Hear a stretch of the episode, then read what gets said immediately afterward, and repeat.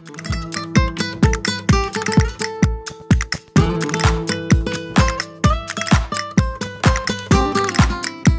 ben José de Kouwer en je luistert naar de Velofilie podcast.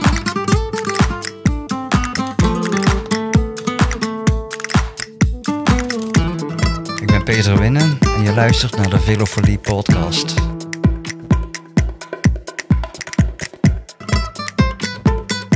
Todos, bienvenidos la. Goedemorgen, middag en avond, beste wielenvrienden en vriendinnen. Welkom bij weer een nieuwe Velofilie podcast. We zitten aan de vooravond van die derde grote ronde in het seizoen, de Vuelta. En die start vandaag in Utrecht. Tegen de tijd dat jullie het horen is dit waarschijnlijk vandaag, of misschien was het zelfs wel gisteren. En het voordeel van het feit dat jullie dat dit nu pas horen, is dat de startlijsten definitief zijn. En je dus vanaf nu rekening kunt houden met alles wat wij zeggen, is per definitie waar. Of niet, Jorn? Ja, dat is ook uh, dat is zo. Ik vind dat mensen dat wel, de, Velofilie, de luisteraars van de Velofilie podcast, dat ook gewoon... Uh, dat zij zo naar ons moeten luisteren. Nee hoor, grapje. Wij zitten gewoon, uh, volgens mij is het door jou al vaak al benadrukt in deze podcast. Wij zitten hier niet als, ja, als wielerprofessionals, maar gewoon vooral als liefhebbers. En wat wij je zeggen, dat is wat wij, zeg maar, ons perspectief op de koers. En, Wacht even, jij nou, zit hier toch wel als expert of niet? Nou, uh, zo wil ik mezelf niet omschrijven. ik, heb hier geen, ik heb hier absoluut geen opleiding voor gevolgd. Maar ik kijk wel al sinds jaar en dag wielrennen. En ik zit hier vooral, uh, nou, ik zit hier vooral als liefhebber. Dus uh, nou, ik, heb, ik heb in ieder geval als liefhebber heel veel zin in deze Vuelta. Laat ik daar dan even mee beginnen. Ik ook, absoluut. En uh, dat heeft zeker ook te maken met het feit dat hij in Nederland start. Mogen, vind ik, best wel even trots op zijn. Uh, want het is niet de eerste grote ronde in de afgelopen jaren die uh, hier ten lande start. Ook welkom aan onze Vlaamse luisteraars. Want jullie zijn met velen. En ook voor Vlaanderen en België geldt dat de grote rondes de weg daar naartoe weten te vinden. Dat zijn mooie ontwikkelingen. Maar niet alleen daarom heb ik er zin in. Het is ook een, een, een laat ik zeggen, een andere Vuelta dan anders. En daar gaan we het zo uitgebreid over hebben. We gaan het hebben over wie zijn nou de kanshebbers voor dat Amarillo en uh, de... Is het nog wel het Amarillo, Jorn? Nee, het is rood. Nee, ja, ja het was, dat was de gouden. Ja, Rafa, ja. ja, precies. Het, dat Amarillo, dat klonk wel mooier. Hè? Dat, is wel, dat had wel iets, dat goud. Maar ja, ze wilden zich volgens mij onderscheiden. Dat had wel een specifieke reden hoor. Maar dat, dat, dat, die gouden trui, die, daar ben ik al een beetje mee opgegroeid. En dat is toch, uh, is toch ja, jammer dat ze die eigenlijk niet meer hebben. in het goud, hè? Dat, uh, dat ja, dekte, allitereerde mooi. En Heras en Menschov, ja. dat waren echte tijden. En uh, Valverde, niet te vergeten.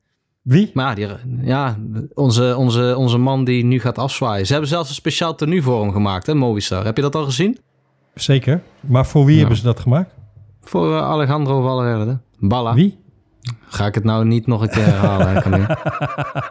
ik, ik neem met alle liefde en plezier afscheid van een bepaalde generatie in het wielrennen.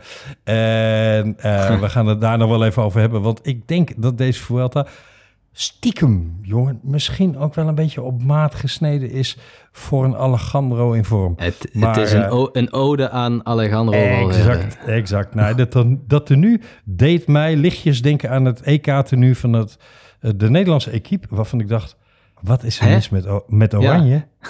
Dat, nou, nou je het zegt, dat, dat, dat had ik niet op de planning staan om vandaag te bespreken. Maar als je hem nou toch ingooit, het was ja. een soort wit, wit, wit was ja. het. Hè? Ja. ja. Wat is er mis met het blauw van Movistar? Ja, ook, ook weinig. Ook weinig. Nee, Alleen maar het, dat, het is nu bijna wit. Nu is het wit. Ja, ja. als eerbetoon aan Valverde. Maar ja, ja. Uh, wat dat betreft... Uh, ja, ik denk dat ze dat, dat gewoon... Ze denken dat hij de eeuwige jeugd heeft en dat hij voor de ja, witte trui gaat. witte trui. ja, ja, misschien daarom, uh, Camille. Het, uh, het zal me niet verbazen. Maar goed, laten we vooral verder gaan. En ja. uh, ik hoop dat we van verder nog heel veel gaan zien deze Vuelta. Laat ik het daarop houden. Voor wij aftrappen, Jorn, met de Vuelta... ga ik je eerst even lastigvallen met twee wat duistere zaken uit het peloton. En één daarvan is vandaag groot in het nieuws. Een junior wielrenner die voor ophef en opschudding zorgt. En um, Dat doet mij denken aan nou, toestanden die we in het voetbal of in de Formule 1 tegenkomen. Het gaat over het volgende. Lotto Soudal heeft per acuut en direct de eh, samenwerking verbroken met William Junior Lekerf. Ik hoop dat ik zijn naam goed uitspreek. Nadat hij de Giro onder 23 gereden had van Lotto Soudal te horen gekregen. Joh, we gaan met jou aan tafel zitten voor een contract voor de komende jaren. En de bedoeling wordt dat jij doorgroeit naar onze hoofdmacht. En daar is hij verder niet op ingegaan. Al dus de lezing van Lotto Soudal. En toen Lotto Soudal er afgelopen week achter kwam dat dat een specifieke oorzaak had. Namelijk, hij heeft getekend bij de grote concurrent, hè, bij de ploeg van Patrick Lefevre. Ja, toen heeft Lotto gezegd, weet je wat, dan trekken we per direct en acuut de samenwerking in. Zodanig dat de Tour de l'Avenir, die is die vandaag gestart of gisteren? Weet ik niet of dat vandaag, of volgens mij, ja. Ja, En- volgens en mij van- wel. Vandaag is dan donderdag 18 augustus, beste mensen. Maar zodanig dat ze hebben gezegd, ga maar niet meer op onze fietsen van start, want dat mag je dus niet. Patrick Lefevre is daarop ingesprongen en die heeft gezegd, je komt toch bij mij fietsen volgend seizoen, dan eh, voorzie ik u van fietsen. En ja, dat is nogal een relletje in het peloton. Ja, ik wil eigenlijk gewoon simpelweg vragen, Jorn. Los van wie er gelijk heeft hè, in, dit, in dit geval. Maar Mhm. hoe, hoe vind jij de omgangsvorm met elkaar? Ja, dat vind ik een goede vraag. En het lijkt ook wel of dat in België of in Vlaanderen en toch nog wat, eh, ja, dat, dat dat daar nog wat meer gebeurt en nog wat actueler is. Dat er toch wat, eh, toch sprake is van een soort stoelendans met die talenten de hele tijd tussen verschillende ploegen. En ja, dat wordt allemaal wel op vroege leeftijd al opgepakt. Nou ja, Jumbo-Visma kennen we nu ook als een eh, opleidingsteam hè, met de Jumbo-Visma eh, Academy, waar ze overal eigenlijk in Europa de beste talenten proberen aan te trekken. Mhm. Quickstep doet dat nu in feite eh, ook. Maar daar zullen ze bij Lot- Lotto Soudal natuurlijk flink van balen. Hè? Koert van der Wouwer, oud, eh oud eh, klassementsrenner in de Tour. Nu ploegleider bij, eh, of directeur sportief volgens mij, bij eh, Lotto Soudal. Die baalde daar natuurlijk wel een stekker van dat deze jongen eh, wegging. En het, ja, het, het, ik zou, nou, laat, laat ik dan even, ik weet niet of ik dan helemaal jouw vraag beantwoord, maar laat ik me dan proberen in die jongen te verplaatsen. Ik snap het niet zo goed. ik snap even niet zo goed waarom je van eh waar je een contract tekent bij Quickstep. Toch wel een ploeg met eh, behoorlijk wat mannetjes erin. Duidelijke kopmannen. En er niet voor kiest een traject door te zetten bij Lotto Soudal. Waar je toch wel als jonge renner, lees een eh Stef Kras, lees een...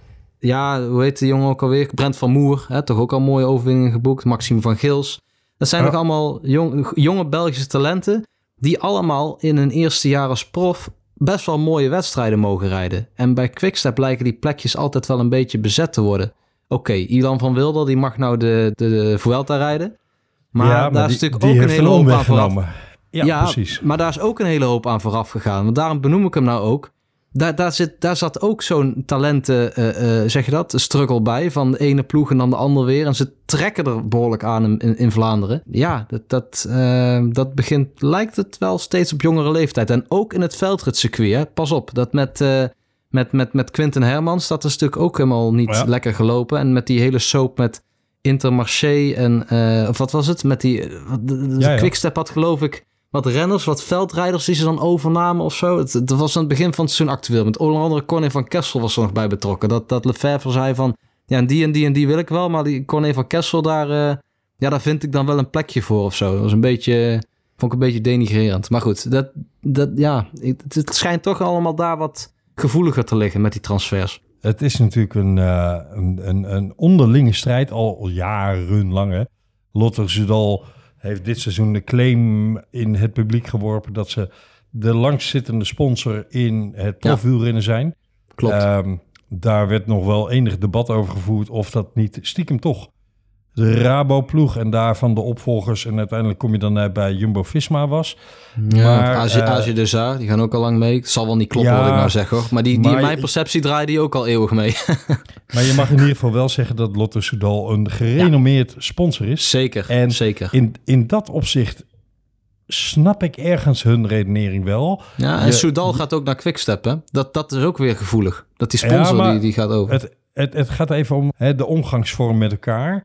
Je haalt een, een, een jongen binnen uh, ter opleiding, zoals bijvoorbeeld in Nederland DSM dat uh, doet en, en uh, Jumbo-Visma met de juniorploeg. En in het verleden Rabobank dat uitgebreid deed.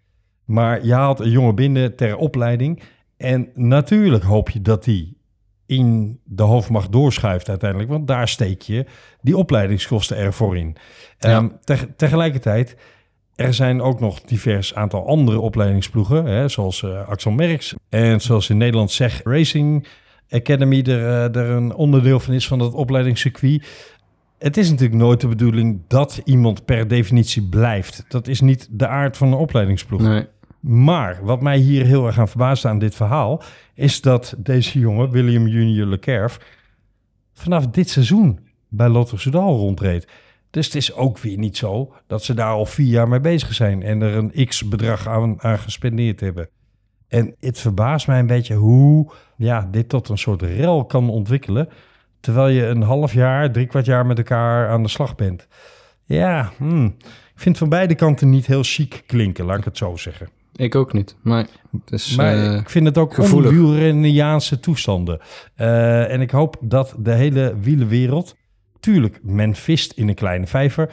Talent, talent scouting, moet ik zeggen, gebeurt uh, steeds jonger en intensiever door heel Europa en Zuid-Amerika heen. En zeker ook in Australië en Nieuw-Zeeland, in, in de VS. Maar de, de, de Europese talent scouts zijn net als in het voetbal tegenwoordig al op jonge leeftijd internationaal aan het kijken.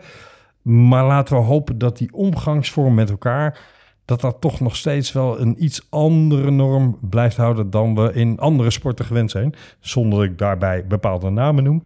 Maar ik zou er geen Bosman-arrest voor over hebben om, ja, wat hier misschien de aanzet voor is, tot stand te laten komen, als je snapt wat ik bedoel. Laat ja. het hierbij blijven. Dat wil ik er maar mee zeggen. Ja, anders krijg je een soort transfermarkten en die nog veel gevoeliger ligt. Omdat wiel, er zijn natuurlijk niet zoveel wielrenners als dat er voetballers zijn en niet zoveel ploegen. In feite kijken we altijd naar de Champions League hè, met, die, ja. met die ploegen die, die rondrijden. Met maar, ja. hè, ze kunnen er maar acht opstellen. Die ploegen die bestaan max uit 28 renners.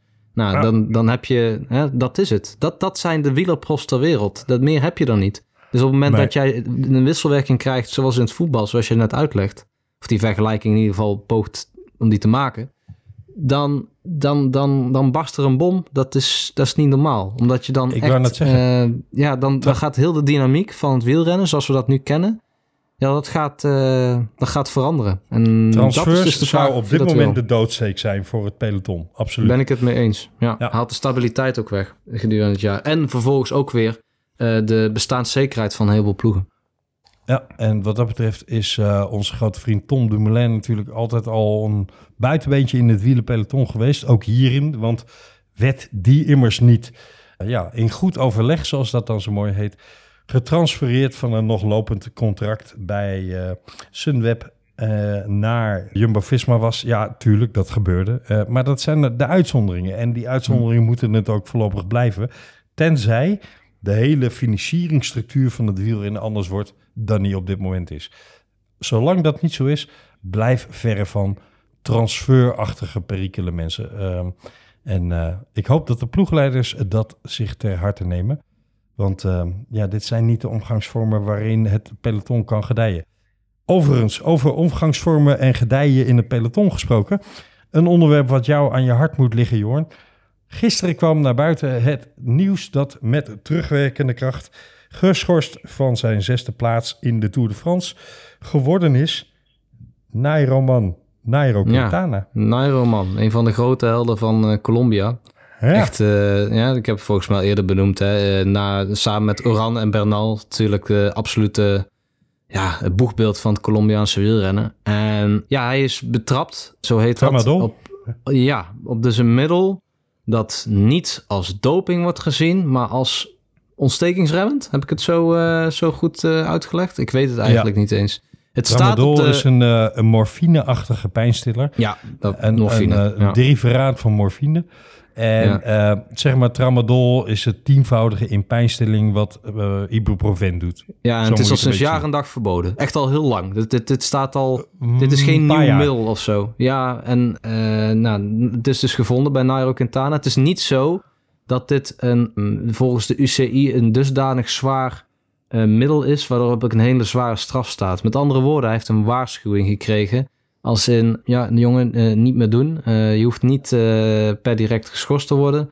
Maar dit, dit- mag je niet nog een keer overkomen. Daar kwam het in feite op neer. Ehm, dus Quintana, die mocht gewoon starten in de Vuelta. Want hij staat ook gewoon stond gewoon op de startlijst. Ja, Maar wat ik dan stond- nog opvallender vind, ja, maar wat ik dus nog opvallender vind, is hij staat er niet meer op. Niet omdat hij niet mag starten, maar omdat hij zelf niet wil starten. En hij wil zijn onschuld bewijzen. Ja. Maar dat is toch een beetje raar, Camille. Dat hij, ja, de soort van, hij wordt, hij, hij wordt dus wel veroordeeld, maar niet gestraft. En dan wil hij toch tegen die veroordeling in beroep gaan. Om, nou, ik neem aan, zijn gelijk te halen. Maar zit hier daar niet meer achter, denk je? Want dat, dat is toch een beetje Je raar, bedoelt- of niet? Je bedoelt dat er meer gevonden is dan er nu naar buiten komt? Nee, dat insinueer ik niet. Alleen dat er, nou, dat, dat hier meer achter zit. Dat de gevolgen, zeg maar, van deze eh, veroordeling zonder schorsing, laat ik het dan zo even noemen, dat Mhm. die op den duur dus wel kunnen doorwerken of zo voor Quintana. Dat hij het wel belangrijk vindt dat hij zijn Als een onschuld bewijst. contractontbinding of iets dergelijks. Ja, daar zit ik eerder aan te denken. Snap je wat ik bedoel? Dat hij, dat hij dit, dit kruisje, zeg maar, van zijn, ja, van, zijn, van zijn strafblad af wil hebben. Of überhaupt ja. gewoon geen strafblad wil hebben. Zijn zesde plek in de Tour van 2022 is hem natuurlijk ontnomen. En ja, ik weet niet hoe zijn contract in elkaar zit, maar het zou zomaar kunnen bij een ploeg als Arkea dat Ja. daar een prestatiebonus in component Ja. in zijn contract zit. Precies. En eh, dat dat hem nogal geld scheelt als hij ineens geen zesde in de Tour geworden is. Hè? Dat, dat Ja. zou kunnen. Nou, dat, ja, daar dat- zat ik ook, daar, die richting zat ik op te denken. Want het is dus niet zo, hè, want dat is even de grote, ja, eh, even, eventjes het, het, het, het rare hier van de zaak. Is, hij, is dus niet, hij is dus niet geschorst. Hij kon gewoon starten in Ja. de Vuelta. Alleen, eh, ja, daar kiest hij dus niet voor. Met, ja, het is, het is niet, zo, dus niet zo duidelijk uitgesproken. Hij wil ze dus zijn veroordeling aanvechten. Maar die lijn die, die, die wij net schetsen, dat is volgens mij ook de lijn ehm, waarin je dit moet, nu moet zien. Maar dat is toch een beetje speculatie, want dat is, dat is dus niet uitgesproken. En dat snap ik ook wel, want het zijn, zijn waarschijnlijk eh, contractuele dingen. Nou ja, tramadol is een eh, bekend middel uit, nou ja, laten we het zo noemen, de Frank van den Broeke tijd. Ehm, Waarbij een, een bekend nevenverschijnsel van tramadol is. En dat weet ik uit de bijsluiters toen ik het zelf eh, mocht gebruiken. Vanwege een afgebroken kies die nogal zeer deed. Dat je kan er, eh, nou, eh, hoe staat het in de bijsluiter? Iets van, uw rijvaardigheid wordt hierdoor beïnvloed. Niet zozeer Ja, dat is bij erdoor ook al, hè? Dat is bij codeïne Ja. ook al. maar er staat niet zozeer het kan, nee, er staat het wordt. En Ja. dus is het mij altijd al een godswonder geweest dat het ganse peloton in de jaren nul koos voor, en de jaren 90 koos voor tramadol. Tenzij je weet dat je daar dat ter compensatie slikt van andere spullen. Waardoor je nogal hyper de pieper bent en tramadol juist weer die nou, ja, downer daarvoor is. Laten we het zo noemen. Ja, maar kun je je eens even Ehm, voorstellen dat je dat neemt en je gaat een berg met 90 per uur af?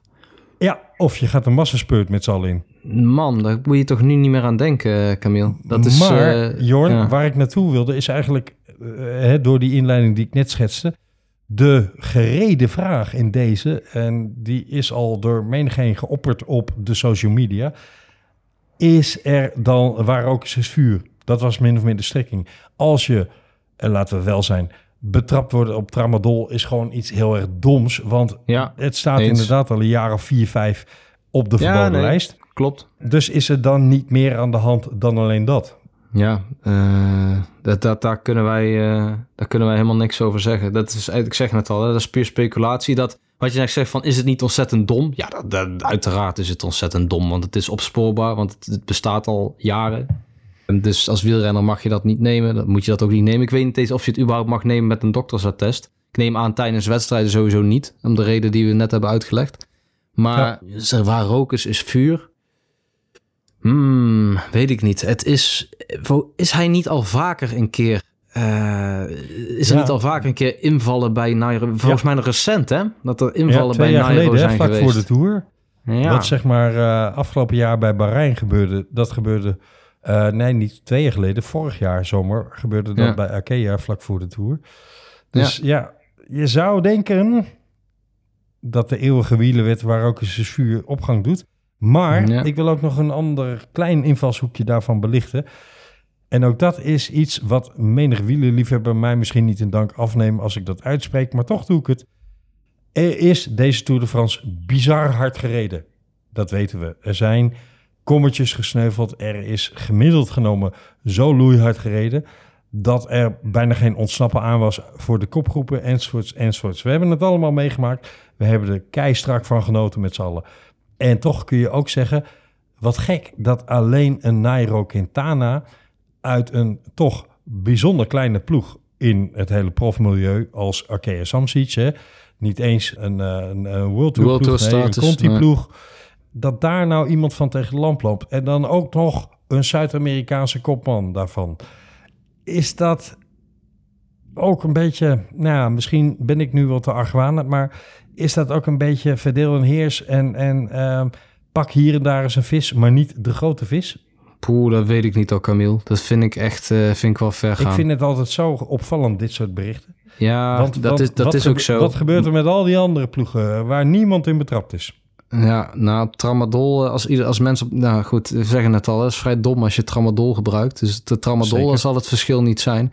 Maar ja, ik weet niet. Ik vind dat, eh, ik vind dat nogal ver gaan. Ik, nee, ik, ik heb daar Maar is het eigenlijk niet gezegd... raar, Jorn, dat, dat alleen Bahrein en Arkea Ja, ja, ja. En, en, en een paar jaar geleden Astana, dat was toen op zich nog wel eh, een ploeg met, met aanzien. Maar eh, dat is natuurlijk de laatste twee jaar wel een beetje afgebladderd. Maar Nou, dat- dat- Lopez, de recent. ja, Toch? maar de grote Europese ploegen, hè, de, de, de grote Franse, de grote Belgische, grote Nederlandse, zelfs de grote Italiaanse en Spaanse ploegen, Hmm, daar hoor je zelden tot nooit iets van. nee. Ik blijf dat altijd een eh, bijzonder verrassende ontwikkeling vinden, waarvan ik tien jaar later in de boeken altijd lees, oh ja, daar had wel degelijk een, eh, een oorzaak of daar zaten lijntjes. Laat ik het dan of- zo zeggen, Camille. Ik steek eh, in de wielrennerij nooit en te nimmer meer voor iemand eh, mijn hand in het vuur. en daar ga ik het dan even bij laten. Ja, nou, ik vind het in ieder geval, los van dat ik niet per se aan zich een Nairo-fan ben, maar ik vind het in ieder geval doodzonde, want het Colombiaanse wielrennen Ja, kan eens. wel een oppepper hebben. Hè? Dat eh, is de afgelopen Nee, joh, toch dat, niet... dat eh, helemaal. Ik baalde ook wel toen ik hoorde dat hij dus niet meedeed. Hè. Je vindt wel... Higita doet nog mee. Dat is in Colombia toch een opkomende Ja. naam. Voor ons allemaal een opkomende naam. Lopez doet mee, hè. Superman. Ja, nou, Roman, ja, Superman. Uran maar doet ook mee. met, met de nodige aanloopprikkelen. Ja. Ja, maar we hebben veel Colombianen die nog wel meedoen hoor. En dat is be- belangrijk natuurlijk. Mensen, ook mensen die niet zoveel met Colombia hebben. Het is, het is voor de mondialiteit, volgens mij is dat goed uitgesproken, ja. Van Ja. het wielrennen is dat gewoon ontzettend belangrijk. Dat het niet alleen de Europeanen zijn die, eh, die goed meedoen. Dus uh, Carapaz, eh, eh, Quintana, dit zijn allemaal, eh, Bernal als hij weer eh, een beetje eh, Mhm. beter is. Die zijn allemaal eh, ontzettend belangrijk voor de wielrennerij op eh, mondiaal Zeker. niveau. Hola a todos, bienvenidos a la vuelta. Dat is een mooi bruggetje, Jorn, om eh, naar de Vuelta toe te gaan. Want Ja. je noemt al een aantal namen. Daar zitten volgens de bookies, en ik denk volgens bijna elke Scorito-speler ook... Daar zitten wel een paar namen tussen waarvan je zegt... "Mm, ja, die mag je wel in je ploegje opnemen hoor. Wil je Zeker. een kans maken? Ja. Ehm, laten wij dan eens beginnen bij, eh, nou ja, over, over rookgordijnen of zandstrooien of eh, hoe je het ook wil benoemen, waarbij een andere favoriet bij de bookies, sinds hij heeft bevestigd dat hij start, namelijk Primoz Roglic.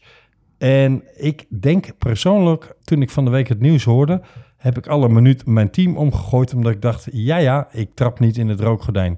Want, dacht ik terug aan de Tour de France, de dag dat ze met z'n tweeën Tadej Pogacar aan gort aan het rijden waren, heb ik toch heel weinig effect gezien van ja, eventuele breukjes in zijn ruggenwervels. En reed hij toen zo slecht dan? Nou ja, hij werd op een gegeven moment gelost, dat wel. Maar was dat ook niet gewoon een tactisch lossen? Hmm. En hij werd door Van Aert teruggebracht enzovoorts. Maar was er nou iemand die helemaal aan het instorten was? Nee. Reed nog Ja, steeds voorop ben mee. ik niet helemaal met je eens, Camille. Ik, eh, ik, ik denk dat zo'n blessure zoals Roglic, die kan ook gedurende gewoon puur door zijn inspanning erger worden. En dat is volgens mij, dat was volgens mij een rugblessure. Nou, dat is geen pretje om op de fiets te zitten hoor. Dus volgens mij is hij gewoon echt, eh, ja, werd het gewoon eh, dusdanig pijnlijk dat hij niet meer verder kon. Plus met het oog op de Vuelta ook verstandig was om, om af te stappen. Dus ik, eh, dat laatste. dat rookgordijn waar je het over hebt, daar kan ik je dan wel weer in vinden. Als in niet zozeer gericht op de Tour, maar ik volg even de lijn Jumbo-Visma, wat er nu is gedeeld. En dat is van, ja, we weten het niet hoor. Hè. Roglic, eh, hij is natuurlijk ver van de ideale voorbereiding. Dat klopt ook allemaal. Hij is ook niet op hoogtestage geweest.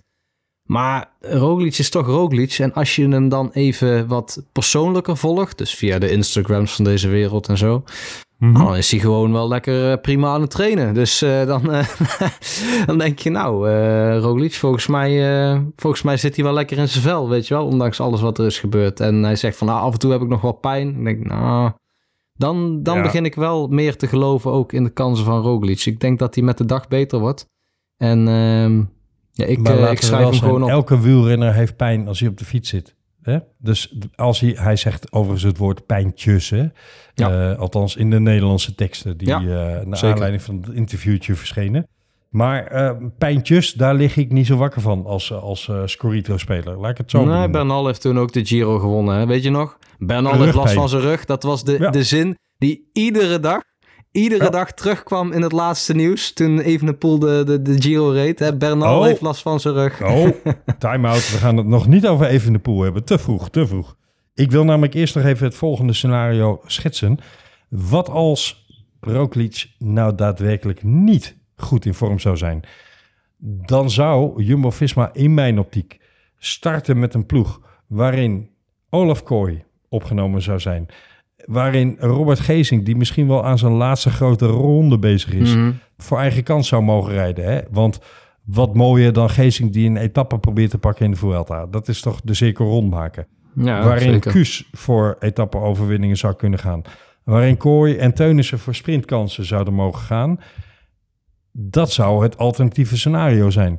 Ik heb het... Die eh, mannen hebben, hebben ja. stuk voor stuk allemaal ook belangen. En dat allemaal op een hoop vegen voor een Roglic die 50% is van wat hij kan. En daarmee ook zijn aanzien en reputatie in het peloton te grabbel gooien. Ik geloof Mm. er helemaal niks van. Ik denk dat laatste dat dat niet waar is. De reputatie te grabbel gooien. Roglic staat er in zijn ploeg ontzettend goed op. Eh, Ja, is echt maar die zou toch niet starten als hij geen kans maakt? Die gaat, die Nee, gaat niet als een nee, soort dat ben ik ook met je eens. mee. Nee, ik was alleen dat laatste deel niet met je eens. Van die reputatie te hoop gooien. Ik denk dat Roglic ontzettend veel zichzelf, hè? respect... Nou, hij heeft... Ja, Kijk, als Ro- Roglic... Roglic heeft zo'n status in die groep, joh. Die, die, ik, ik, ik, ik ben het met je eens. Hè. Hij zal niet starten op het moment dat hij niet denkt dat hij, dat hij, eh, Nee. hè, dat, dat hij kan, niet kan winnen. Maar het, en nogmaals, volgens mij hebben we het al eerder besproken. Het zou ontzettend leuk zijn als Jumbo-Visma met vrijbuiters en met Kooi van start was gegaan.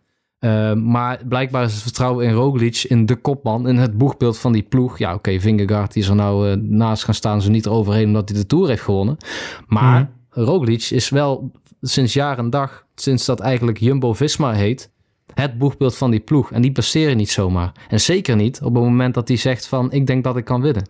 Dan doe je dat als ploeg niet, denk ik. Nee, als hij zegt, jongens, ik ben niet goed, dan schat ik in dat zijn statuur binnen die ploeg dusdanig is dat de ploegleiding zegt, oké jongen, dan gaan we het anders doen. Ja, Ehm, precies. Dus ik, ik, nou ja, of zowel de ploegleiding als Roglic overschatten hoe goed hij ervoor staat. Dat zou natuurlijk een factor kunnen zijn. ja. Maar persoonlijk denk ik, ik ga mee met José de Kouwer, die in de podcast De Tribune nog zei, eh, ja, als hij gestuurd wordt, dan is hij, eh, dan is hij goed, hè.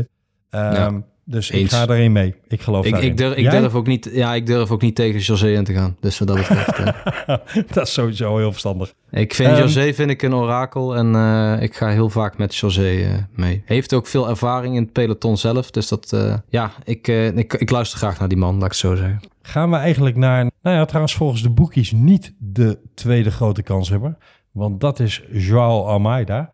Maar er Carapaz komt er geheid in de top 5 voor bij bijna alle boekies. Staat wil Almeida op met je- twee, Camille? Ja, bij Zo, velen wel. dat vind ik een opvallende. Mag dat even, ik dat, anders gaan we daar nu heel snel aan voorbij. Maar die zou bij mij dan in de top 10 staan. Maar Ja, ja, vijf, zes, zoiets. Ja, ja, ja. ja, ja, precies. Vijf, zes. Maar, tot, maar twee? Staat hij zo hoog? Nou, misschien Nou, dat we, daar gaan dadelijk het, nog we even gaan op het zo terugkomen. even over het ja, parcours precies. hebben. Ja, precies. Daarom, Eh, dat, en misschien over- dat het daaraan gelieerd is. Zou, zou Ja. wel kunnen, ja. ja. Maar laten we zo zeggen, voor De grote drie volgens de boekies, en dan hebben we het over Roglic, Carapaz, Almeida. Volgens de boekies, hè. Daar geldt eigenlijk voor alle drie wel een soort van vraagteken bij. Bij Carapaz geldt wat mij betreft als vraagteken... Ineos gaat met een ontzettend brede ploeg naar deze Vuelta toe. Ze hebben twee jonge talenten in Rodriguez en Plet. Ja. En ze hebben een En een Ethan hater, niet te vergeten. Ja, Ja. ze hebben een Ethan Hater die, die eh, nou, als die niet met het groen naar huis gaat, dan weet ik het ook niet meer. Maar zal daar ook zo hier en daar support van de ploeg voor nodig hebben. En ze gaan met een Sivakov in vorm op pad. Terwijl Carapaz na dit seizoen, zoals bekend, afscheid neemt van Ineos. Ja. Ik moet je bekennen dat ik zo mijn vraagtekens heb bij hoe breed het kopmanschap van Carapaz gedragen zal worden in deze ploeg. Ja, het Ik is heel... namelijk- Ja. Dat die voor gewoon vier speerpunten hebben. Geen triple entente, maar een, eh, nou, hoe noem je dat? Het, een schot hagel. Zie maar waar er Ja. eentje landt. Maar dat hoeft niet... Ja, het is misschien te allround. Het is een gok. Daar ben ik helemaal met je eens. Kan ook goed uitpakken. Ehm, ik vind hier wel... Nou, voor eh eh, Hater. Voor, nou, voor die jongens die je Zeker. net opnoemt. Kijk, Carapaz, Carapaz is de klassementsrenner. Dat is de nummer 1 in die ploeg. En die heeft jongens om zich heen die mee kunnen. Een Pleb, een Rodriguez, een Sivakov, een Gegenhardt. Van Baarle kan altijd vrij lang mee, vind ik nog. Dus hij heeft op zich de ploeg wel. Alleen, wat jij net zegt, klopt wel. Er zitten veel winnaarstypes in. Hè? Eh, Ja. eh, eh, is een winnaar. Eh, Rodriguez is een winnaar aan het worden. Eh, Sivakov wil dat worden. Pleb wil dat worden. Weet je, dus dat, dat zijn types die, die willen ook wel voor eigen kansen gaan. Ik denk dat die Ben Turner, die is nog heel jong volgens mij. Dat is echt een grote, grote sterke vent. Die zal echt in dienst moeten rijden. En dat kan hij volgens mij Ja. ook goed. Maar die andere jongens, ja, Van Balen ook. Maar Van, van Balen is ook wel, ook wel een winnaarstype geworden. Weet je, dus het, maar het- zie, jij, zie jij wat ik bedoel? Jij Ja. benoemt het zelf ook. Het zijn allemaal mensen met individuele kansen. Je En zou die het neem je toch niet in deze samenstelling op als je niet denkt dat... Ja, als je zegt die moeten zich allemaal wegcijferen voor Carapaz, daar, daar geloof ik niet veel van. Nee, Ah, nee, nee, ik denk dat ik me daar wel bij aansluit. Ik probeerde het net ook te bekijken van, goh, als je gewoon naar de namen kijkt, dan kun je daar een hele mooie ploeg om Carapaz heen bouwen. Als je vervolgens weer kijkt naar de kwaliteiten van de jongens, ja, dan ga je twijfelen. Dan denk je, hoe? Gaan die niet ook inzetten op ritzegers? En wat blijft er dan nog over van steun rondom Carapaz? Ik denk dat ze daarin zelf ook een beetje misschien zoekende zijn dadelijk in de Vuelta. Van hoe gaan, ze gaan denk ik wel gewoon als collectief rijden. Ik bedoel, we kennen Ineos. Maar ze gaan ook etappenzegers willen pakken. En die combinatie, die, ehm, ja, dat is een gok. Maar wie zegt dat dat niet kan? Hè? Wie zegt dat zij niet gewoon eh, de dagen uitstippelen per persoon en eh, gaan kijken van, nou, dan eh, dat is echt voor, voor hater. En die dag sturen we eh, Rodriguez vooruit, of Sivakov, of Gegenhardt. En we zien wel. En Kijk, Turner en Van Baarle laten we... houdt van steile pukkels. Hè? Ja, Ja, ja, goed. We eh, gaan het zien. nou ja, ik, ben, punt- ik ben benieuwd hoor. Ik, vind, ik snap, ik, ik, ben het wel grotendeels met je eens. Ik, Wat ik al voor me zie, is een Carapaz die geïsoleerd zit... of in ieder geval geïsoleerd rondrijdt. Ja, dat, eh, die kans die is wel aanwezig. Als Rodriguez inderdaad niet kan volgen. is.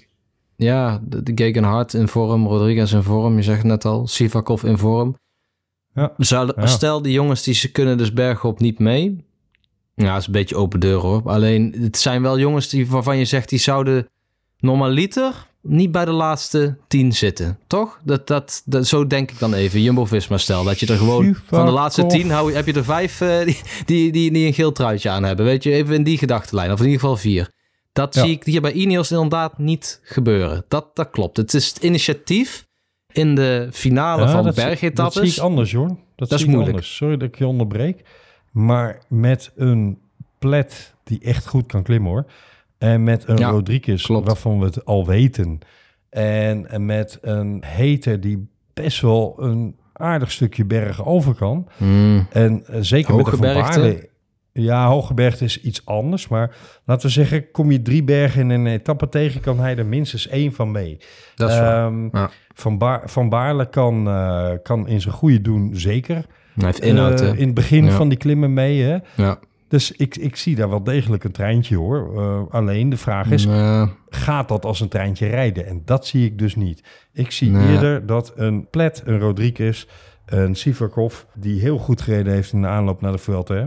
Eh, wat won hij ook alweer? Burgos? Dat weet ik eventjes niet uit mijn hoofd. Maar die, die won wel... eh, ja, Burgos heeft hij gewonnen. Ja, klopt. Ja. En tweede in San Sebastian. Ik zie ze eerder vooruit rijden, terwijl Carapaz in het wiel zit bij Roglic nou, en Yates, noem maar op, dan dat daar een georganiseerde treinvorm ontstaat. Maar goed, Ja. we zullen dat zien hoe dat in de praktijk gaat. Komen we bij die derde grote favoriet van de boekies, Almeida. Hm. Ook daarvoor geldt, is dat in de Giro niet falikant mislukt eigenlijk? Ja, dat ging niet helemaal eh, zoals het zou moeten gaan. Ik, ik, Almeida is een renner die eigenlijk altijd zichzelf weer terugknokt of zo. Geen renner voor het Hogebergte, absoluut niet. Het is een, meer een punchy type, heeft een heel goed eindschot en probeert altijd een beetje aan te Aan te poten. klampen. Ook een goede tijdrit, maar is in het Hogebergte komt hij wel te kort. Dus daardoor heeft hij altijd wel een paar dagen ertussen zitten dat dat aanhaken net niet lukt. en dan, dan houdt het op voor, voor Almeida. Maar zoals wij net al benoemden, hij staat tweede bij de bookies. En dat heeft als grote reden. Nou, het verbaasde me net toen hij het zei. Maar als je dan naar het parcours kijkt, is het dan ook weer niet zo raar. Want weinig hele hoge, lange, steile klim- beklimmingen. Zoals we ze eigenlijk klassiek kennen in de Vuelta. Dat is dit jaar wat... Angliroes, weinig Angliroes en zeker eh, nog minder muren dit jaar. En als Ja. we die al hebben, van die hele vieze 15, 13, 20 procent stukken, dan zijn het geïsoleerde stukken. Ja, Maar het, klopt. het, het, het is zelden een lange aankomst die lang stijl is. En het zijn ook heel vaak slotbeklimmingen waar de aanloop vrij gemakkelijk is. Het is eigenlijk, Jorn, een vrij atypisch Vuelta-parcours. Ja, Want bijna alles wat er aan bergen in zit, is zo ongeveer tussen de 5 en 9 procent. Ja, ik durf En het dat- bijna niet te zeggen, maar het is een vrij makkelijk parcours. Ja, Eigenlijk. Het, is, het is een Alejandro Valverde parcours. Ja, precies. Nou, we hadden het al benoemd. Kortste conclusie, maar ehm, ja, er zijn er meer.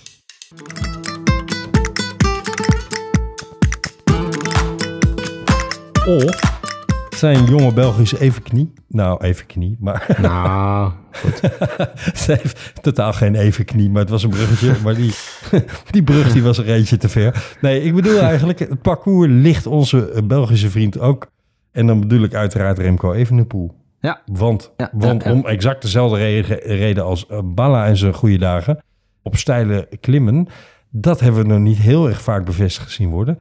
Sterker nog, dat hebben we eerder niet bevestigd zien worden. Maar maar alles op, zeg maar. Nee. San Sebastian niveau, en dan mag het best stijl zijn, maar dan ligt het allemaal wat lager. Dat hebben we wel gezien. En Ja. daar zit het Ja, een en ander van in deze Vuelta. Toen ik, toen ik me nog niet in een parcours verdiept had, eh, vond ik alle ophef over Evenepoel. Dat ik dacht, ja, ja, ja, ja, ja, we gaan weer die Giro-toestanden krijgen. Maar jongens, dit is, dit is gebakken lucht. Dit is opgeklopte heisa om nog helemaal niks. En toen ik me in het parcours ging verdiepen, dacht ik, hmm, ik denk dat ik hem wel snap. ja, het parcours ligt echt aan de hand. het is echt naar een kolfje in de hand van Evenepoel. En dat is ook voor Almeida. Maar laten we even over Ja. Evenepoel doorpraten. Wat jij net, jouw gedachtegang, die, die had ik ook. En dat komt omdat je beeld bij grote rondes is toch grotendeels van de Tour. En in iets mindere mate de Giro. En in nog mindere mate de Vuelta. Nou, wat hebben we afgelopen Tour gezien? De Col de Granon, dat was de, de slag om de Granon. dat was uiteindelijk de beslissende slag. Hè? Daar won Vingegaard de, de Ronde van Frankrijk. En waarom? Omdat het een monsterklim was. Die is lang, die is steil. De etappe was al eh, heel zwaar. Echt een, een, een loodzware Zeker. bergetappe. Nou, de plaatjes van de Giro, die kennen we ook. Hè? Met de sneeuwbergen en de Mortirolo en noem maar op. Hè? Waar Ja. Nibali zo, Gavia. zo mooi Ja. en die sneeuwetappes altijd eh, kon, Ja. oh, kon heersen. Dat is allemaal, dat zijn allemaal, of de Stelvio, laat ik die ook nog even benoemen. Dat zijn allemaal etappes, wanneer die bergen erin zitten, dat, dat ik, ja, eigenlijk een soort klassieke eh, bergetappes in grote rondes, die je ook dus wel eens in de Vuelta hebt met de Angliru, als voorbeeld. Waar je Evenepoel nog nooit echt hebt zien uitblinken. En ik denk ook dat hij daar geen specialist in is, in, die hoge, in dat hoge berg. Hè, wat Vingegaard bijvoorbeeld wel is.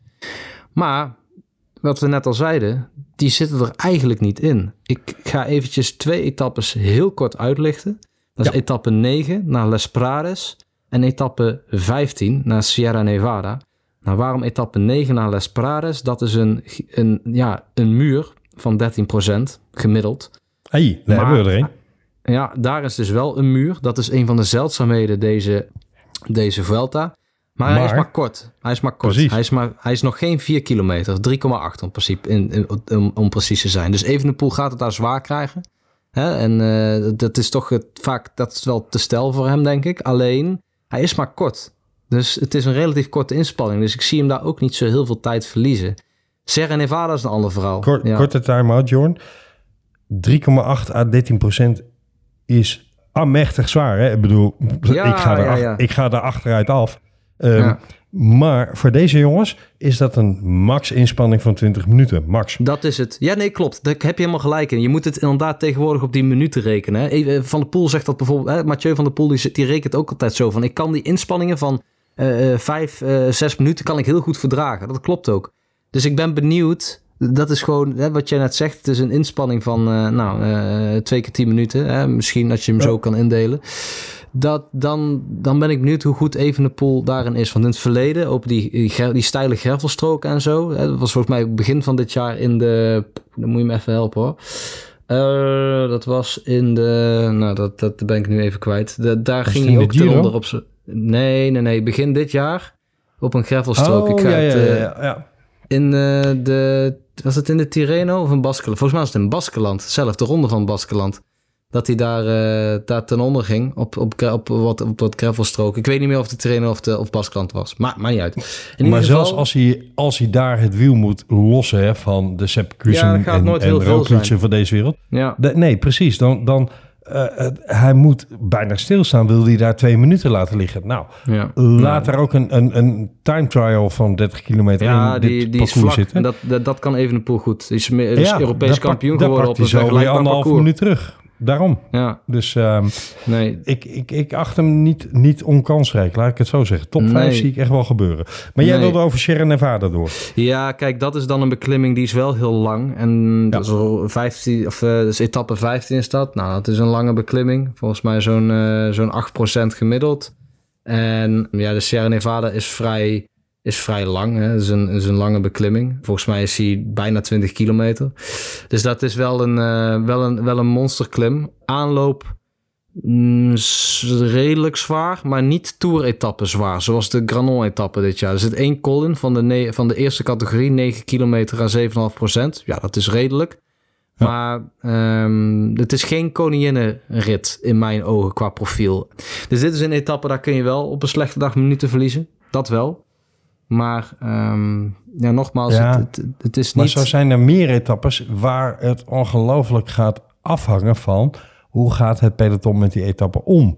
ja, Ehm, dat, dat is waar. Ja. zou, ja, ja. zou er gekoerst worden op dit Vuelta-parcours in Spanje? Hè? We hebben het niet over de eerste drie etappes in Nederland. Die is- laten we buiten beschouwen, want die doen er verder niet toe. Dat gaat om sprinten verder niks. Ja, Maar een entertainment voor ons. Komen we in Spanje aan, dan gaat het om hoe gaat het peloton met die, dat parcours wat voor de wielen ligt om. Ik zie op, nou laat ik zo zeggen, er zijn drie sterke blokken. Eén daarvan Jumbo-Visma, maar is bij lange na niet het sterke blok uit de Tour. Twee is Ineos, een sterk blok, maar zoals we net al schetsten, hebben we net met, besproken. met Ja, mogelijk verdeelde eh, eh, eh, speerpunten, verdeelde opdrachten. En het derde sterke blok is Bora Hans Grohe. Waarvan je je kunt afvragen, ja, gaan die dan dat hele boeltje controleren? Als je wel Hmm. bent, Jorn, van de 21 etappes in deze Vuelta... zie ik er maar liefst 15 of 16... waarin een kopgroep het zou kunnen redden. Ja. Zou ook... eh, ja, nee, klopt. Ik, eh, ik denk dat het voor de, de, de, de vrijbuiters eh, ook een hele leuke, ook een hele leuke eh Vuelta is. En ik zit heel even met, ik, met een schuin oog naar Trek Segafredo te kijken. Die hebben natuurlijk wel Mats Pedersen. Maar er rijdt ook een Daan Holen mee. En dat vind ik eentje, eh, die wil ik al even uitlichten. Kort hoor, heel kort. Want dat is een jongen van bijna twee meter. Beer van een Ja. vent. Kan heel goed Ja. tijd rijden. Ik, ik schrijf hem al sowieso op voor die tijdrit. Dat, eh, dat sowieso, voor een, voor een top 3 plek. En ik, ik hoop stiekem dat hij ook een keertje voor, voor eigen kansen kan gaan. Want het is echt een jongen met inhoud. En het zou mooi zijn als hij à la Gijs Leemreizen kans maakt op een etappezege in, de, in zijn debuutronde. En ehm, dat, eh, ja, ik, ik, ik verwacht dat wel eerlijk gezegd. Ja. Hola a todos y bienvenidos a la vuelta. Oké, ik ga jou een paar namen voorleggen en dan wil ik eigenlijk van jou horen ja of nee. Gewoon puur korte antwoorden. Tijmen Aresman. Ja, dikke, dikke vette ja. Ik denk Tijmen Aresman die heeft eh, sowieso laten zien een enorm goede tijdrijder te zijn. En het is ook, hij is ook sowieso een goede klimmer. Dus dan ben je automatisch een goede klassementsman. Zijn ploeg is niet heel sterk. Zij het, ze nemen uh, Degenkolb, Arendt, Nieuwenhuis mee. Nou, dan weet je dat het, uh, dat het ook voor de sprints een ploeg... Ja, die, die ploeg zich ook op de, op de etappenzegers richt, op de massasprints. Maar ook ene Henry van der Nabelen. Dat is een groot Belgisch talent. Ook goed bergop. Ja. Dus hij heeft wat knechten mee. Maar Tijmen Aresman kan ook wel... Die heeft bewezen dat hij het aardig in zijn eentje op kan knappen. En soms aan de zijde van Bardet, maar soms ook niet. Ja. Ik zeg ja. Ja. Er gaat een leuke Vuelta worden voor Tijmen Aresman. Voor het klassement ook. Enric Mas. Oef. Ja. Moet, hè? Ja, het is de, het is de Vuelta. Hè? Hij, hij zal, het, het zal niet, als ik nou zeg, uh, nou, als het niet zo is, dus als, als het nee is, dan zal het ook echt wel dus hard aankomen, laat ik het zo zeggen. Ja. Die ja. ploeg kan de punten gebruiken, hè? ook al staan ook. op dit moment op degraderen Israel Cycling Nation ja. en Lotto Soudal. Ja. Maar Movistar staat alles behalve veilig of zo. Dat, ja, die staan daar uh, helemaal nee. niet goed. Die, die, dat nee. wordt bijna niet benoemd, maar dat, dat, die staan helemaal niet veilig. Nee. Uh, die moeten. Um, Hikita heb je al genoemd. Ik denk dat Hikita een verrassing van deze tour kan worden. Ja, is ook explosief. Maar hè?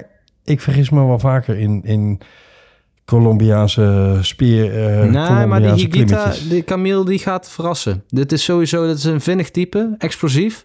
Goeie, Hadden we goed dat ook niet over Daniel Felipe Martinez? Ja, is ook zo. Ja. Maar, maar ik, ik, ik, ik, ik vind... Uh, nee, ik, ik, dit is voor mij een ja hoor, Higita. Dat lijkt me wel een... Uh, die kan wel eens verrassen, ja. Ik moet eerlijk bekennen dat sinds ik Higita in de waaiers in... Ik dacht dat dat Gent Wevelgem was, maar...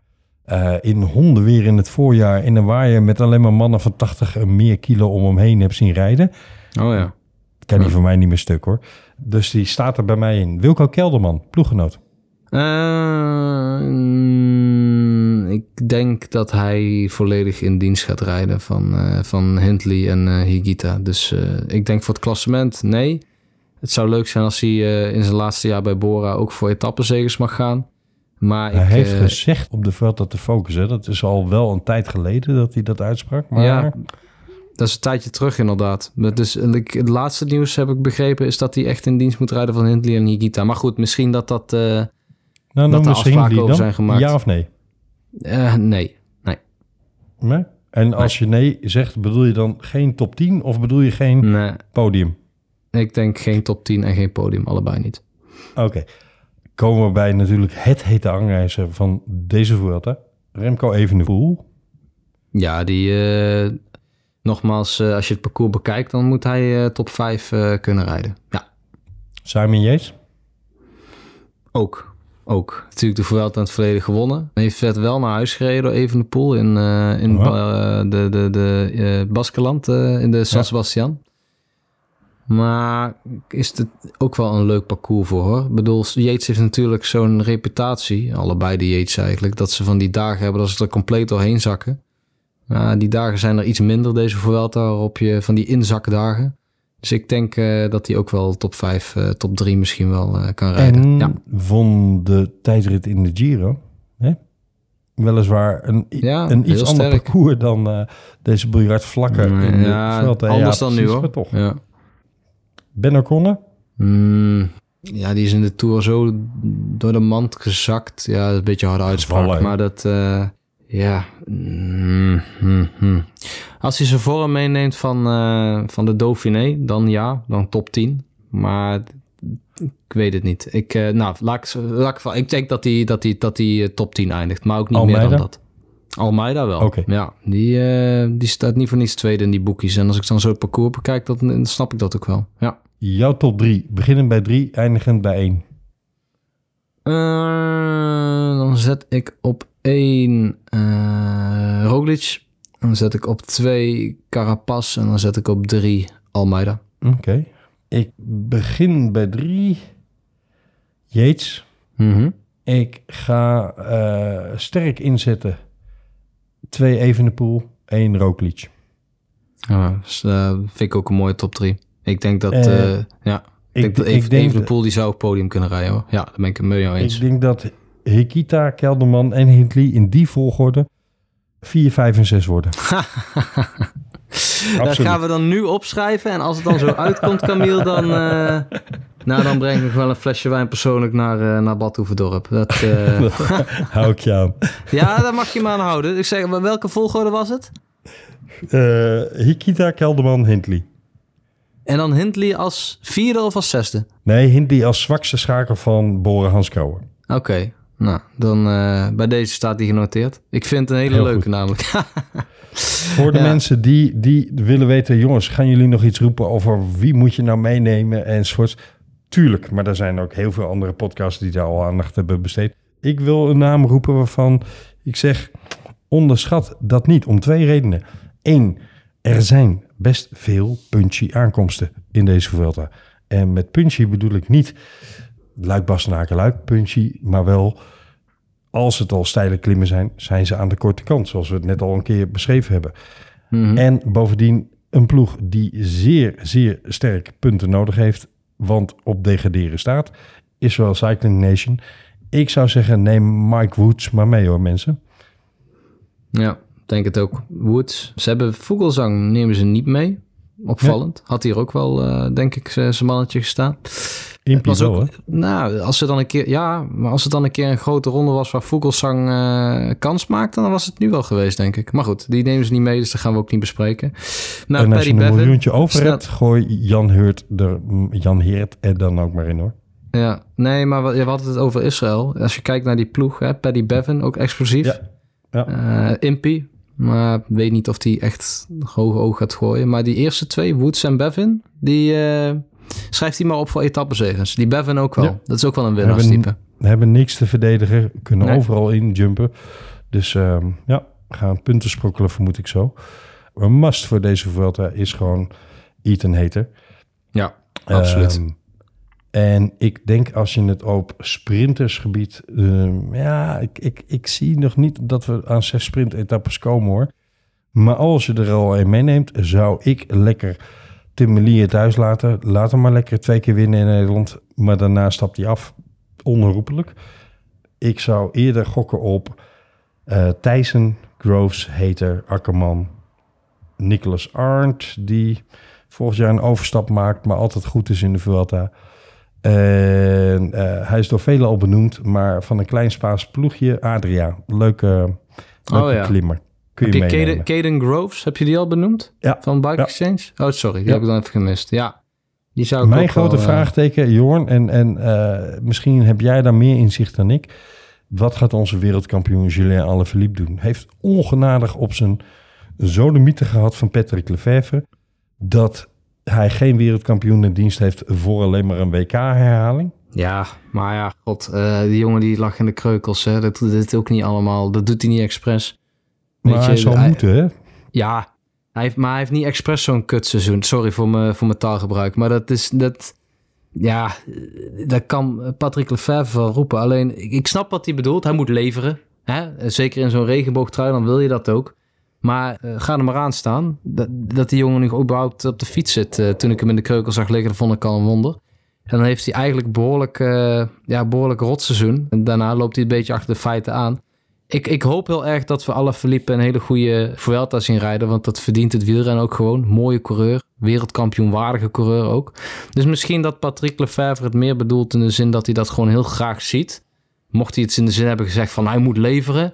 Ja, jongens. eh, dan... eh, ja, dat, hij, het- zal ze, ja, hij zal toch ook gewoon zijn best doen. Het is toch geen onwil bij alle Philippe Camille, toch? Dat- dat, Nou, lijkt kijk, me niet. eh, Er gingen geruchten over deze en gene coureur... dat, dat die de Vuelta zouden gebruiken om ja, zich voor te bereiden op het WK. Zoals vroeger Ja. wel eens gebeurde. Ja, ja. En eh Petlef heeft van tevoren in de media even laten weten... dat dat toch alles behalve de bedoeling is voor Julia maar dat, Alaphilippe. dat snap ik wel. Maar eh, insinueert hij nou dat alle Philippe dat zou doen? Ja. Ik, nou, ja. Nee, dat, dat heel duidelijk. Hij Ja, nee, duidelijk dat- dat- als duidelijk ik geloof jou wel dat je- hij dat zo heeft je, gezegd. Je mag nog een keer een WK winnen, maar dat is voor mij niet genoeg. Nou, oké. Ja, Dus, in die eh, zin. Maar goed, ik, ja. ik, ik, ik denk zelf dat Alaphilippe een te grote winnaar is. Om maar hoe eh, denk die je dat hij ervoor staat? Ja, ik, maar hij, hij hoopt denk ik dat hij er goed genoeg voor staat om mee te kunnen doen voor etappenzegers. Dat kan ook als je kijkt naar parcours deze Vuelta. De type Alaphilippe Mhm. moet hij kunnen winnen. Eh, daar Ja. is hij snel genoeg voor, daar is hij explosief genoeg voor. Als in, hij is een van de explosiefste van het peloton. Zo niet de explosiefste, zo heeft hij de twee keer de wereldtitel gewonnen. Ehm, Dus als hij goed genoeg is, dan zal hij er wel voor willen gaan. Ja, dat hij in vorm raakt voor een WK, dat is dan een mooi neveneffect. Maar, en hij zal het natuurlijk ook wel altijd willen, omdat hij wereldkampioen, eh, dat hij die trui wil verdedigen. Maar ik geloof het niet dat hij puur naar die Vuelta gaat om te trainen. Dat, dat kan ik mij gewoon bij Alaphilippe niet voorstellen. Dat kan ik me gewoon niet voorstellen. Zou voor Alaphilippe hetzelfde gelden als voor Roglic, namelijk in de luwte van de publiciteit gebleven, maar staat er stiekem misschien wel veel beter voor dan we met z'n allen denken? Dus dat, is, dat, dat ze een soort van zand in de ogen strooien. Hmm, Het is een bewust een beetje uit de... Hè, als, als Petlev in het nieuws komt, is dat eh, hoe je ook over de goede man denkt... en zeker over zijn communicatievormen. Maar het is zelden zonder bedoeling. Hè? Eh, hij heeft hier en daar een slip of de tong. Maar meestal is dat een heel bewuste communicatiestrategie zijnerzijds. Ja. Dus het feit dat hij alle verliep eh, min of meer... eh, nou, ik wil niet zeggen schoffeert, maar in ieder geval... een soort van schrobbering geeft eh, in het publieke oog. Ja, dat geeft eigenlijk aan, in mijn optiek van... ofwel er was daadwerkelijk iets aan de hand, namelijk... Ja, zoals een trainer zegt, eh, jongens, ga maar warm lopen, zodat de spelers in het veld bij voetbal. Maar dat denken, kan toch ook jee, op een andere manier? Camille. Sorry dat ik je onderbreek. Dat kan toch ook op een Ja, maar andere niet bij manier. Petlev, hè, dat weet je. Ja. Dat, dat gaat, maar het zou ook zand in de ogen kunnen strooien zijn. Ja, ja. Dat, dat, dat, nou, jij zegt net van kijk naar de resultaten en zo. Alaphilippe heeft wel in, de, in Wallonië geloof ik gewonnen. Bij een soort van eh rentree. Want dat was dan Ja. na ja, dat het Frans kampioenschap liep niet. Ging hij naar de Tour toe. Nou, dat, dat verhaal kennen we nu. Heeft wel gewonnen in Wallonië. Daarna niet meer hele aansprekende resultaten geboekt. Ik, ik, het is een beetje een groot vraagteken, hè, waar we net al mee begonnen. Van hoe staat hij ervoor? Net als met Roglic een groot vraagteken is, hoe staat hij ervoor? Maar het zijn wel allebei ja, eh, wereldtoppers. De, absolute toppers van de wielrennerij. Dus mochten zij ergens een sprankje voor hem vinden, dan is het al gauw heel erg goed. En eh, ik hoop dat, ik dat, bij eh, dat we dat bij Alaphilippe gaan zien. Hebben ehm, we een naam of meerdere namen gemist die jij nu voor het voetlicht gooit? Nee, eh, jij benoemde net uh, Tijmen Arendsman. Die had ik eigenlijk ook al opgeschreven. Heel kort dan. Nibali rijdt mee. Even, die, die, staat er gewoon, die staat er gewoon tussen, Camille. Nibali. Mm, mm, Eh, mm. Dat, ja, dat belooft altijd wel iets, iets van spektakel. Nou, we Mhm. hebben Miguel Angel Lopez, die weer helemaal, nou ja, vrij is van, ja, vrij is van, van, van negatieve verhalen rondom zijn persoon. Ja. Ehm, ik weet niet eh, of jij denkt dat hij kans maakt op een heel mooi klassement. Ik zelf weet het niet. Eh, ik heb hem eerlijk gezegd nog niet. Volgens mij hebben we hem nog niet super zien rijden dit jaar. Maar goed, Nee. even los van die, die gasten van Astana. Eh Mikael Landa hebben we nog niet benoemd. Nee. Camille, Landa. Voor top 5. Ja of nee? Nee, Nee, ik denk het ook niet. ik denk het Landa ook niet. heeft, heeft nog nooit een deuk in een pakje boter gegeten in de Vuelta. Nee, Nog nooit. en ik vind dit ook geen Vuelta voor Landa. Dus het, eh, Nee. het is ook voor mij eh, niet... ehm, En nee. Bahrein als, als geheel, eh, nou ja, En bij heb, IF dan? Even, ja, we benoemen dan het geheel. Ja, eens, bij Bahrein weet ik niet, daar twijfel ik ook aan. Maar IF heeft wel een, misschien een geheel, hè? Met Uran, Carty en Chavez. En eventueel, Hmm. mocht Padoen Pats, eh, eh, Mark Padoen, eindelijk weer een keer zijn benen terugvinden van de Dauphiné van vorig jaar. Dan hebben die ook wel een Chavez. aardig ploegje. Ja, Chavez is recent goed aan het rijden, maar heeft toch een beetje sinds ja, zijn doorbraak Giro 10, eh, ja, de- die, die, die, dat niveau niet meer kunnen aantikken hoor. Eh, heeft altijd wel een slechte dag. Ja, Als je hem voor een klassement meeneemt, zeg ik nee. Per Nee. definitie nee. Als je hem meeneemt voor ritwinsten of eventueel de komtrui, de, de bolletrui, zou kunnen. ja. Hoewel ik denk dat Pinot daar toch weer een poging voor ja. gaat doen hoor. Ja. andere naam. Voor die, Ja. voor die bolle trui. Eh Oeran. Hm, hm. Wie Normaal weet. gesproken. normaal gesproken zou ik zeggen, ligt dit parcours hem wel. Maar ik heb hem dit jaar ook nog niet veel verrassend zien Nee, doen, dat is hoor. waar. Maar het parcours ligt hem dus wel, hè. En zo goed als misschien het parcours dan geschikt is voor Oran... zo slecht is het dan weer geschikt voor Carty. Want dat is dan. Een renner die wel Ja. gebaat is bij die hele zware... Nou, hij heeft zelfs wat gewonnen hè, op de Angliru toen. Dus de Vuelta ligt hem wel. Alleen dit parcours misschien wat minder. Ja, Dus dan... en, ehm, en ja. Carty valt nogal regelmatig uit. Dat is gewoon zijn mankement. Ehm, maar, maar Oeran, dat zou wel eens kunnen zijn, net zoals die verrassende tweede plek toen in de Tour, waarin toch Ja. eigenlijk niemand verwacht had dat hij dat ging doen. Het zou ergens ook niet verbazen als aan het eind van deze Vuelta Oeran ineens op het podium staat, terwijl niemand hem in zijn scorritopoeltje opgenomen heeft, omdat hij voor de rest van het seizoen, ja, eh, anoniem rondrijdt. Dus dat is wel ja, voor ons is die anoniem, hè, Camille. Eh, Ik, eh, de, de Oeran in Colombia, echt waar, dat is de allergrootste coureur met, ooit als in hun resultaat, ogen. hè? Niet, Ja. niet, niet als persoonlijkheid. Maar ik, maar- ik, ik wil gewoon even dat perspectief weer schetsen van Ja, ja, wij, en dat klopt ook, hè, daar heb ik ook aan bijgedragen voordat ik überhaupt ooit in Colombia was geweest. Maar wij denken inderdaad, hè, die Oran, ah, die, die, die zien we dan en de, ah, het zal wel weer niks worden. Tweede plaats, opvallend toen. Hè. Eh, we nemen hem niet op in de Scorito-poeltjes. En vaak ook terecht, want hij scoort niet zoveel punten. Dus wat dat betreft eh, helemaal mee eens. Maar die status van Oeran, dat, hij rijdt anoniem mee, maar het is absoluut geen anonieme renner. Laat ik dat dan eventjes gelijk eh, de wereld uit helpen, Nee, want hij is echt rete populair. Ja. Gaan we een verrassende naam eh, in deze Vuelta zien? Eh, her en der wordt nog wel eens de naam Henninen geroepen. Poeh. Mm, ja. ja, dat is dan een hele verrassende naam. Toch? Heb jij, Ja, waar is dat op gebaseerd dan? oh, gewoon eh, kans in, een- in een x-aantal etappes. Ja. ja, weet ik niet. Dat is echt een... dat is echt een-. Jay naam die ook Vine. nog wel eens voorbij Nou, die, komt. dat vind ik dan nog wel een leuke. Hè? De, de Zwift eh, eh, Academy eh, coureur. Hè? Contract gekregen via Zwift. Ja. Ja. Ja, die, die zou ik dan eerder aandragen. Ja, dat vind ik nog wel een leuke.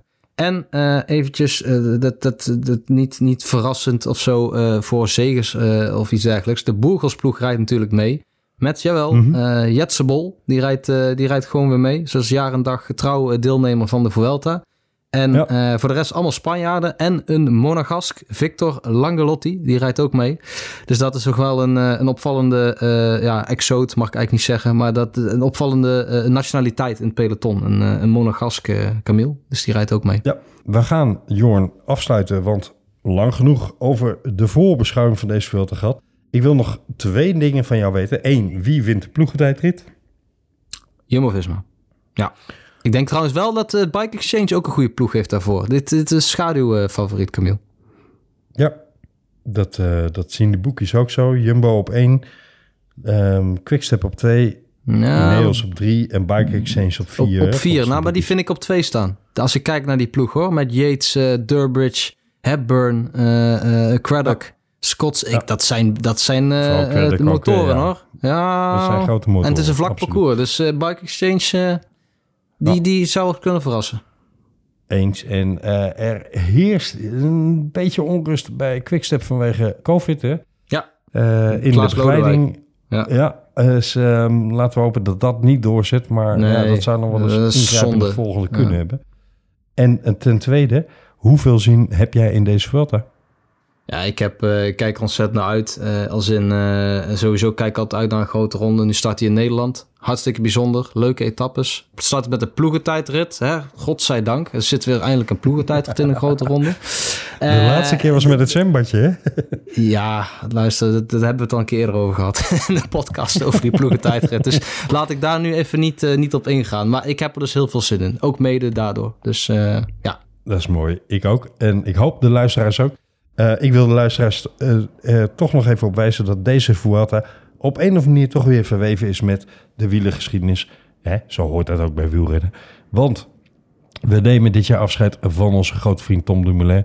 En ja, waar brak Tom Dumoulin als rondrenner door? Inderdaad, in de Vuelta in 2015. En daar reed hij in de toen alweer rode leidersstrijd rond. En werd hij in de slotetappe Eh, nee, dat zeg ik verkeerd. De ene laatste na etappe, laatste de slotetappe etappe, ja. was... Ja, Eh, de ene laatste etappe aan Gort gereden door eh, Fabio Aru. En toen nog in dienst van Astana met consorten. Want die had hier en daar nog wel wat hulp ingeschakeld. En dat was over een, een vergelijkbaar, zo niet vrijwel identiek parcours... als de ene laatste etappe van dit jaar.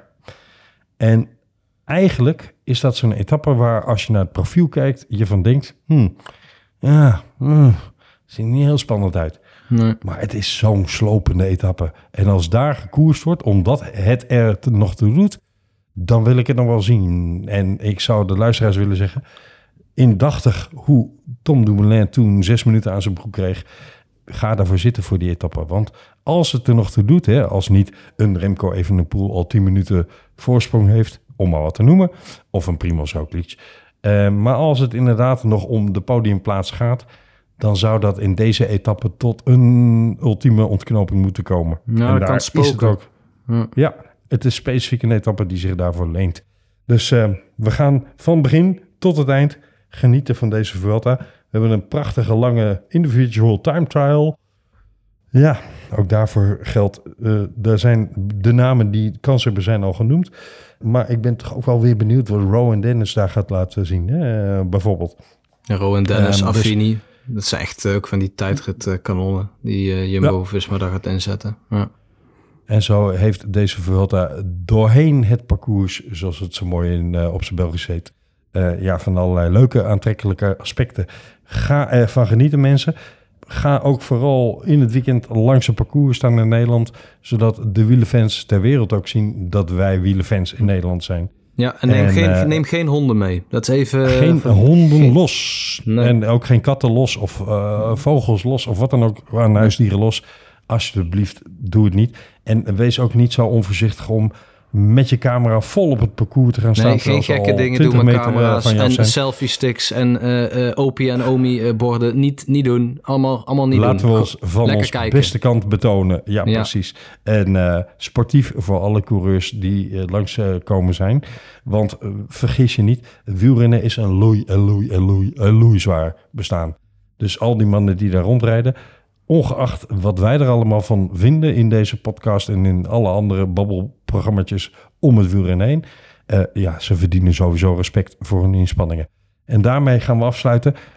Veel plezier bij de Vuelta. Wij melden ons weer sowieso vast op de maandag gedurende de Vuelta. Maar ik wil bij deze eigenlijk afspreken, Jorn, dat mochten daar nou spectaculaire ontwikkelingen zijn, dat we ons misschien wel met een noodpodcastje in de lucht willen begeven. Nou, melden wij ons. Absoluut. Voor nu, dank voor het luisteren en eh, adios. Tot de volgende. Hasta luego. Ciao. Hola a todos y bienvenidos a la vuelta